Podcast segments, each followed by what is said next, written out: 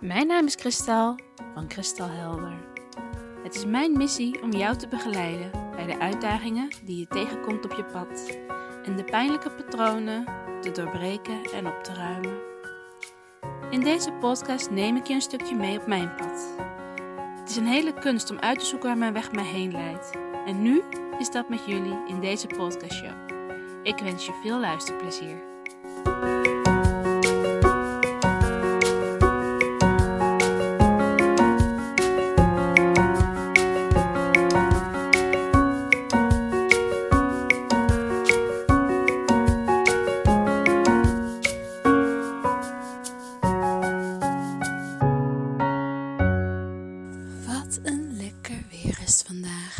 Ik eh, woon vlakbij een meer en ik moest toch nog best een stukje lopen om een plekje te vinden waar het rustig is, waar ik tegen jullie eh, kan praten, met jullie kan praten. Ja, het voelt toch een beetje tegen jullie praten, want jullie praten niet terug. Maar dat is eh, het concept podcast. Dus ja, daar is niks aan te doen. Ehm, ik heb van de week een podcast opgenomen voor jullie. En ehm, die heb ik nog niet geüpload. En ehm, dat komt omdat ik het heb opgenomen tijdens een stormachtig weer toen ik ook buiten was. Buiten stromen mijn gedachten en kan ik ze veel makkelijker eh, ordenen en eh, ehm, opnemen. Maar eh, ja, in storm is dat toch eventjes wat ingewikkelder dan nu met het zonnetje en het klotsende water en de voorbij fietsende mensen. Dus ehm, ja, er kwam een soort van ehm, onzekerheid naar boven. Ga ik dit wel of ga ik dit niet plaatsen? Dat zijn de futen die langs eh, zwemmen. en dat begint nu dus ook alweer omhoog te komen. Want eh, ik zou mezelf niet snel als een perfectionist willen kenmerken. Maar ik heb wel stemmetjes in mijn hoofd, net als eh, ieder ander.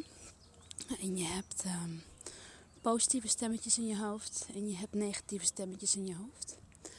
En eh, een van die stemmetjes is mijn moeder. Hi mam, ja, je zit in mijn hoofd. Dat is een van mijn trouwe luisteraars. En eh, mijn moeder is een beetje anders dan ik ben. Die houdt heel erg van eh, opgeruimde huisjes en alles schoon.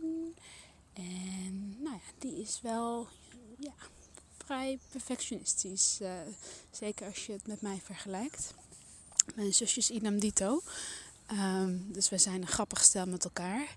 Gelukkig, eh, ja, ik kan er wel heel erg om lachen. eh, als ik weer eens iets, iets op zijn kristals doe. Zoals dat vies of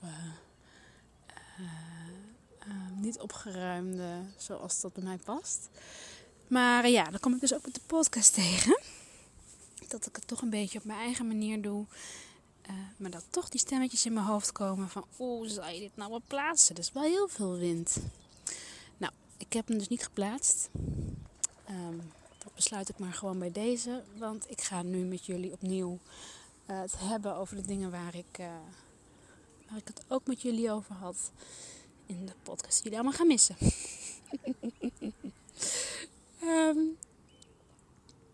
ik, kwam, ehm, ik kwam ook van die stemmetjes tegen in mijn hoofd.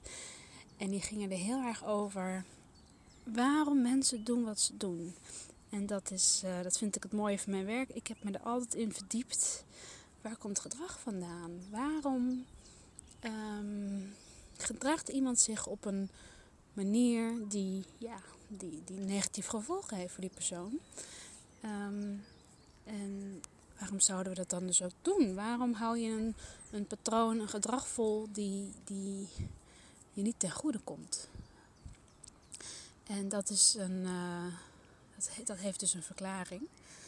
Ehm, eigenlijk heeft dat te maken met hoe je geprogrammeerd bent. Ehm, je kan naar jezelf kijken, naar, naar ieder ander kijken, als waren wij eh, geprogrammeerd zijn met overtuigingen.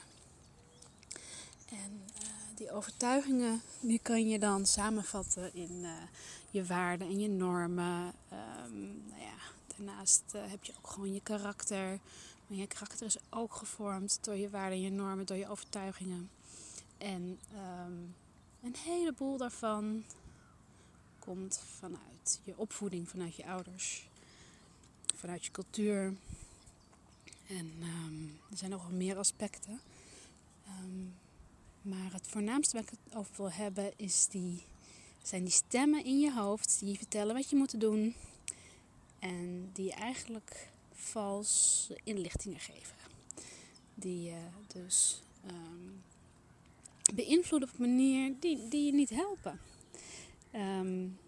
wat ik tegenkwam is, ik ben, uh, ik ben elke dag aan het wandelen, zoals nu ook weer. Maar ja, ik zit stil, want als ik wandel, dan ga ik zwaar ademhalen. Oh nee, dit is wel heel overdreven, maar jullie begrijpen ik bedoel. En dat is, ja, het is minder charmant om naar te luisteren. Dus dat doe ik jullie liever niet aan. Ehm, ja, dat gaat toch ten koste van de boodschap. En dat is toch waar de podcast voor bedoeld is. Dus vandaar. Goed om dat soort lessen te leren. En uh, die neem ik dan op een gezonde manier uh, mee in, de verdere, verdere, in mijn verdere overtuiging die ik uh, daarover uh, nou ja, dan nu heb. Zo blijf je ze vormen, is ook mooi.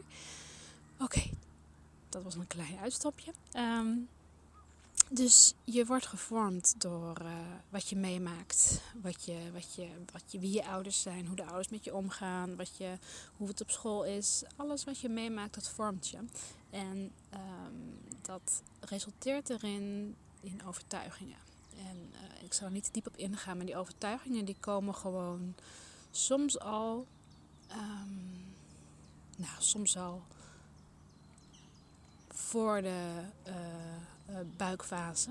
Het is, het is heel, heel, heel, heel pril. Um, word je al geprogrammeerd. al, is het, al is het zeg maar de manier waarop je verwekt wordt. Dat, dat, dat brengt een bepaalde energie met zich mee um, die in je systeem gaat zitten. Um, en um, waar ik altijd naar op zoek ben in gedrag is welke programmering leef jij nu? Wat is het dat je me hier laat zien? Nou, ik ben dus uh, mezelf uh, aan het aanmoedigen om uh, wat vaker erop uit te gaan, goed voor mezelf te zorgen. En een paar van die dingen die ik daarin doe is goed eten, drinken, lekker veel naar buiten, in de tuin werken. Elke dag een wandelingetje maken, elke dag mediteren. Nou, lukt dat me helaas wat minder goed. Maar um, ja, ik doe mijn best. En... Sorry. Ik um, kom daarin tegen dat je, dat je wandelt en dat je mensen tegenkomt. En ik zeg ze blij gedag ik zeg wat tegen ze gewoon omdat de situatie zich zo voordoet. En die mensen die hielden hun mond en die bleven stoïcijns voor zich uitkijken en die liepen door. En omdat ik het nu een paar keer heb meegemaakt, doet dat wat met me. Nou, het deed ook de eerste keer wat met me. Het doet wat met me. Ik ben, ik ben een mens en ik wil jou graag respecteren als mens. En ik wil jou uh, op die manier erkenning geven door gedachten te zeggen. En het feit dat ze niet reageerden, dat kwetste mij. En uh, ik heb mij inmiddels aangeleerd hoe ik dat, hoe ik voorkom dat dat aan mij gaat vreten en dat ik daardoor mijn gedrag ga aanpassen. En um, dat is ook precies wat ik heel veel in mijn werk probeer toe te passen. Gedrag is niets anders dan uh, het leven van een overtuiging met een, een aangeleerde uh, manier om daarmee om te gaan, een tactiek. Wat ik nou zou kunnen doen, is elke keer wanneer ik langs iemand loop, afwachten bijvoorbeeld tot die ander mij eerst gedag zegt. Want ja, het zou zomaar weer zo'n persoon kunnen zijn die mij negeert of geen zin heeft of uh, wat dan ook. En um, wat ik ook zou kunnen doen, is gewoon zelf zelf tot dag overnemen. Nou, dat is blijkbaar hoe we het hier doen. Nou, dan loop ik ook gewoon maar door, zeg niks. Maar ik kan me ook teruggaan naar mijn, naar mijn kern en wat wil ik nou? Wat vind ik belangrijk? En het is onafhankelijk van hoe de ander reageert. Want uh, mijn gedrag kan wat bij een ander triggeren of kan, kan een zaadje planten bij een ander. Maar ik weet niet welke programmering de ander heeft. Dus op het moment dat ik gedag zeg en ander zegt niks, dan kan mij dat raken. En ik kan gelijkertijd gaan naar, oké, maar ik vind het belangrijk om dit wel te doen. Mijn intentie was goed en puur. En wat de ander ermee doet, dat is aan hem. En het helpt mij heel erg om dan ook in te vullen van oké, maar wat zou het kunnen zijn? Kan het zo zijn? Want de makkelijkste, het makkelijkste wat er kan gebeuren, en dat is waar je ego heel goed in is, om je dan te gaan vertellen dat ligt aan jou. Jij bent stom, jij bent raar, jij bent eng, jij bent, ik weet het niet. Ehm, ze moeten je niet. Ehm, maar ja, dat slaat helemaal nergens op, want ik weet wel beter dan dat. En, en, en uh, al zou dat wel zo zijn, wat, wat maakt het uit om iemand nou gedachten te zeggen? Dus die, die gedachte kan ik gelijk. Nou, toen stopte die ermee. Ik weet niet waarom. Misschien is mijn bestand een beetje vol. Ik was gebleven bij die gedachte skip ik gelijk. Dat kan het gewoon niet zijn. Dat, dat slaat nergens op. Ik ben gewoon leuk. En uh, uh, al zouden anderen dat wel denken, dan kan je alsnog hallo zeggen. Maakt niet uit. Nou, dan ga ik verder. Wat zou het dan kunnen zijn? Is er nog een andere reden waarom iemand geen gedachte terugzegt? Ja. Ja, de meest simpele reden waarom iemand geen gedachte terugzegt is... Oh ja, ik zie het weer staan. Mag maximaal 10 minuten op. Oh, maar ik zie al, ik doe iets heel raars. Wacht, ik ga het even anders doen. Zo, nu kan ik zo lang opnemen als maar wil. Wat een puinhoop wordt het weer. Oh, nou ja, jullie moeten me maar nemen zoals ik ben, hè? Wat ik jullie aan het leren ben. Oh, zo mooi deze, deze levenslessen van mijn telefoon. Dankjewel, telefoon. Oké. Um, wat er nog meer aan de hand kan zijn met die persoon is, misschien had hij me wel niet gehoord. Misschien dacht hij wel dat ik in mezelf aan het praten was. Misschien uh, dacht hij dat ik in mijn telefoon aan het praten was. Misschien uh, voelde hij zich onzeker en durfde niks terug te zeggen. Misschien, uh, misschien was hij wel heel boos en had hij compleet geen behoefte aan contact. En liep hij hier omdat hij eventjes tot rust aan het komen was. Misschien was hij wel heel verdrietig. Misschien heeft hij een, een, rotdag. Uh, er zijn zoveel redenen waarom iemand beslist een bepaald gedrag te hebben op dat moment. En ik kan mij dat laten raken en ik kan dat op, opzij schuiven. En teruggaan naar oké, welk gedrag vind ik belangrijk voor mij? Wat wil ik blijven doen? Wil ik mij dit laten beïnvloeden of niet? Uh, nee, dat wil ik niet. Dus um, ik laat die, die mensen die mij stoïcijns bijliepen links liggen. En ik geef mijzelf uh, uh, de bevestiging dat ik het goed doe. En dat ik blij ben met dat mensen gedag zeg. Of een praatje met ze begin. En uh, als ze terugreageren is dat fijn meegenomen.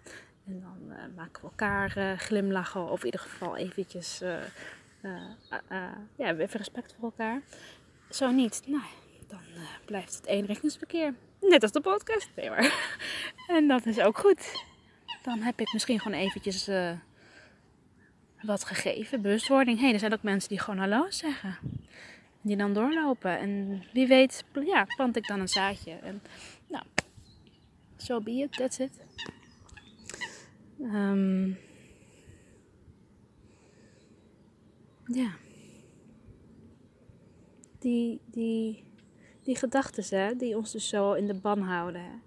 Die, uh, in mijn werk beschrijf ik die op verschillende manieren. Bij kinderen beschrijf ik die het liefst als een uh, engeltje en een duiveltje. Je hebt uh, mooie gedachten. Je hebt gedachten die je kunnen ondersteunen, die je kracht geven, die je helpen, die je motivatie geven, die je angsten helpen overwinnen. Maar je hebt ook een duiveltje, die hebben we allemaal. En um, dat is dan weer de stem van je angsten. Dat is de stem van je onzekerheid, van, van, van um, hetgene wat je klein wil houden, hetgene wat, wat, wat bang is om te groeien. Wat, wat, wat blij is met het bekende, wat um, de overtuigingen wil laten leven die die heeft. En um, op het moment dat je je bewust wordt van oké, ben ik dit? Is dit mijn engeltje of is dit mijn duiveltje? Door daar een soort van distinctie, distinctie dus, uh, verschillend uh, in aan te brengen. Um, word je je bewust van je gedachten en hoe je gedachten je gedrag sturen. En het mooie is, dan kan je ook weer een stukje terug naar, oké, welk gedrag zou ik willen vertonen? Wat is nou echt diep in mij wat ik wil? En dan hoef je je niet langer te laten leiden door, door de programmeringen, door, door alle overtuigingen. Maar dan kan je je laten leiden door je wil. En eh, wie je wil zijn, waar je naar wil streven. En het mooie is dat je daardoor ehm, geen voeding geeft aan je angsten en geen voeding geeft aan die duivel. Maar je geeft voeding aan je engel. En die krijgt dan meer spreekrecht. Het is ook heel grappig. Ik weet niet of jullie wel eens ervaring hebben gehad met NLP of dergelijke trucjes. Je kan, je kan zo'n duiveltje ook letterlijk in je, in je uh, verbeelding voor je zien. En zien hoeveel groter hij is dan je engeltje en hoeveel spreekrecht hij heeft. En uh, op het moment dat je daar bewust van bent, kan je die in je verbeelding ook kleiner maken. En, en een raar pakje aantrekken. En uh, zwart-wit maken. En, en ergens verstoppen, wegzetten. Um, in de ijskast, voor mijn part. Uh, in ieder geval terugzetten op zijn plaats waar hij hoort. In plaats van de, de, de hoeveelheid macht hij heeft over je wanneer je je uh, gaat gedragen zoals je niet zou willen. Um, dat je vooral geleid wordt door je angsten. Dat het momenten wanneer je die duivel voor je kan zien en die klein kan gaan maken en, en slap kan maken en fysiek kan maken of gebruik je verbeelding. Op die momenten um, kan je weer terug gaan voelen: oké, maar wat, wie ben ik? Wat wil ik? En wat wil die engel? En um, hoe kan ik dankzij die engel weer verder komen hierin? Ja, het is een prachtige tool om daar iets mee te doen. Um, ik moet ook denken aan, uh, aan uh, um, hoe ik dat heb gedaan met kunstschaatsen. Ik heb uh, anderhalf jaar geleden besloten om weer op kunstschaatsen te gaan. En daar was ik zo'n twintig jaar mee gestopt. Nou, dat heel raar om die, die, die, die, die jaartallen terug te rekenen, want dan voel je je opeens wel heel oud. Als je ergens 20 jaar mee gestopt bent en dat weer gaat oppakken. Maar fijn, nou dat is ook precies wat ik tegenkwam.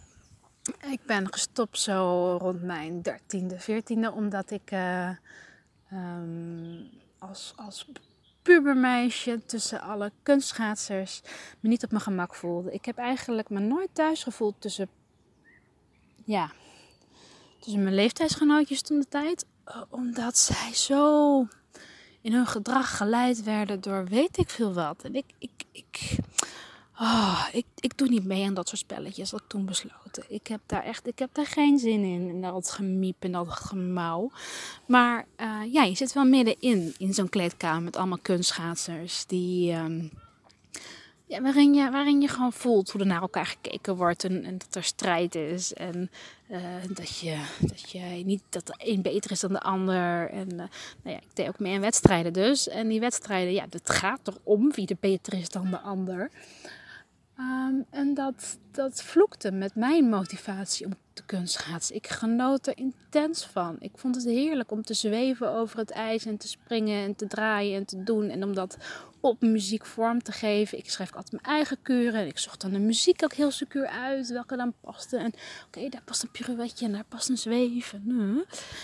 Maar um, ik trok het niet meer. Dus ik ben er gewoon heel, heel, heel acuut mee gestopt. Was er klaar mee, doe er niet meer aan mee. En daarna heb ik nooit meer gedurfd te beginnen. Maar toen ik uh, anderhalf jaar geleden mijn dochter om het weekend naar de vader ging, toen wist ik: oké, ik moet weer wat voor mezelf doen. Net zoals ik nu dus weer aan het wandelen ben en dergelijke. Ja, en sport is niet echt mijn ding, maar ik moest voor mezelf sporten. Het is gewoon belangrijk om te bewegen. Dus uh, ik zoeken, zoeken, zoeken welke sport past nou bij me. En ik kwam eigenlijk alleen maar weer uit bij mijn oude vertrouwde kunstschaatsen. Nou, ze hadden een 12 plus groep op zaterdag. Dus ik denk, nou weet je wat? Ik probeer het gewoon. Ik ga gewoon heen en dan zie ik wel. Ja, je zal het maar zien, hè? Allemaal van die 14-jarigen om je heen. En jij dan als, uh, als 34 uh, um, maar dat, ja.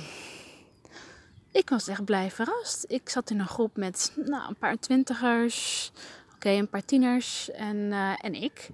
En ze waren sympathiek en, en uh, Toevallig op de zaterdag zijn er geen wedstrijdrijders. Zijn er alleen maar ja, mensen die het voor de hobby doen. Nou ja, iedereen doet het voor de hobby. Maar die zijn helemaal niet bezig met beter, best. En uh, je zit daar, je schaatst en je leert je oefeningen. En ja, de een is in sommige dingen beter de ander in andere dingen beter.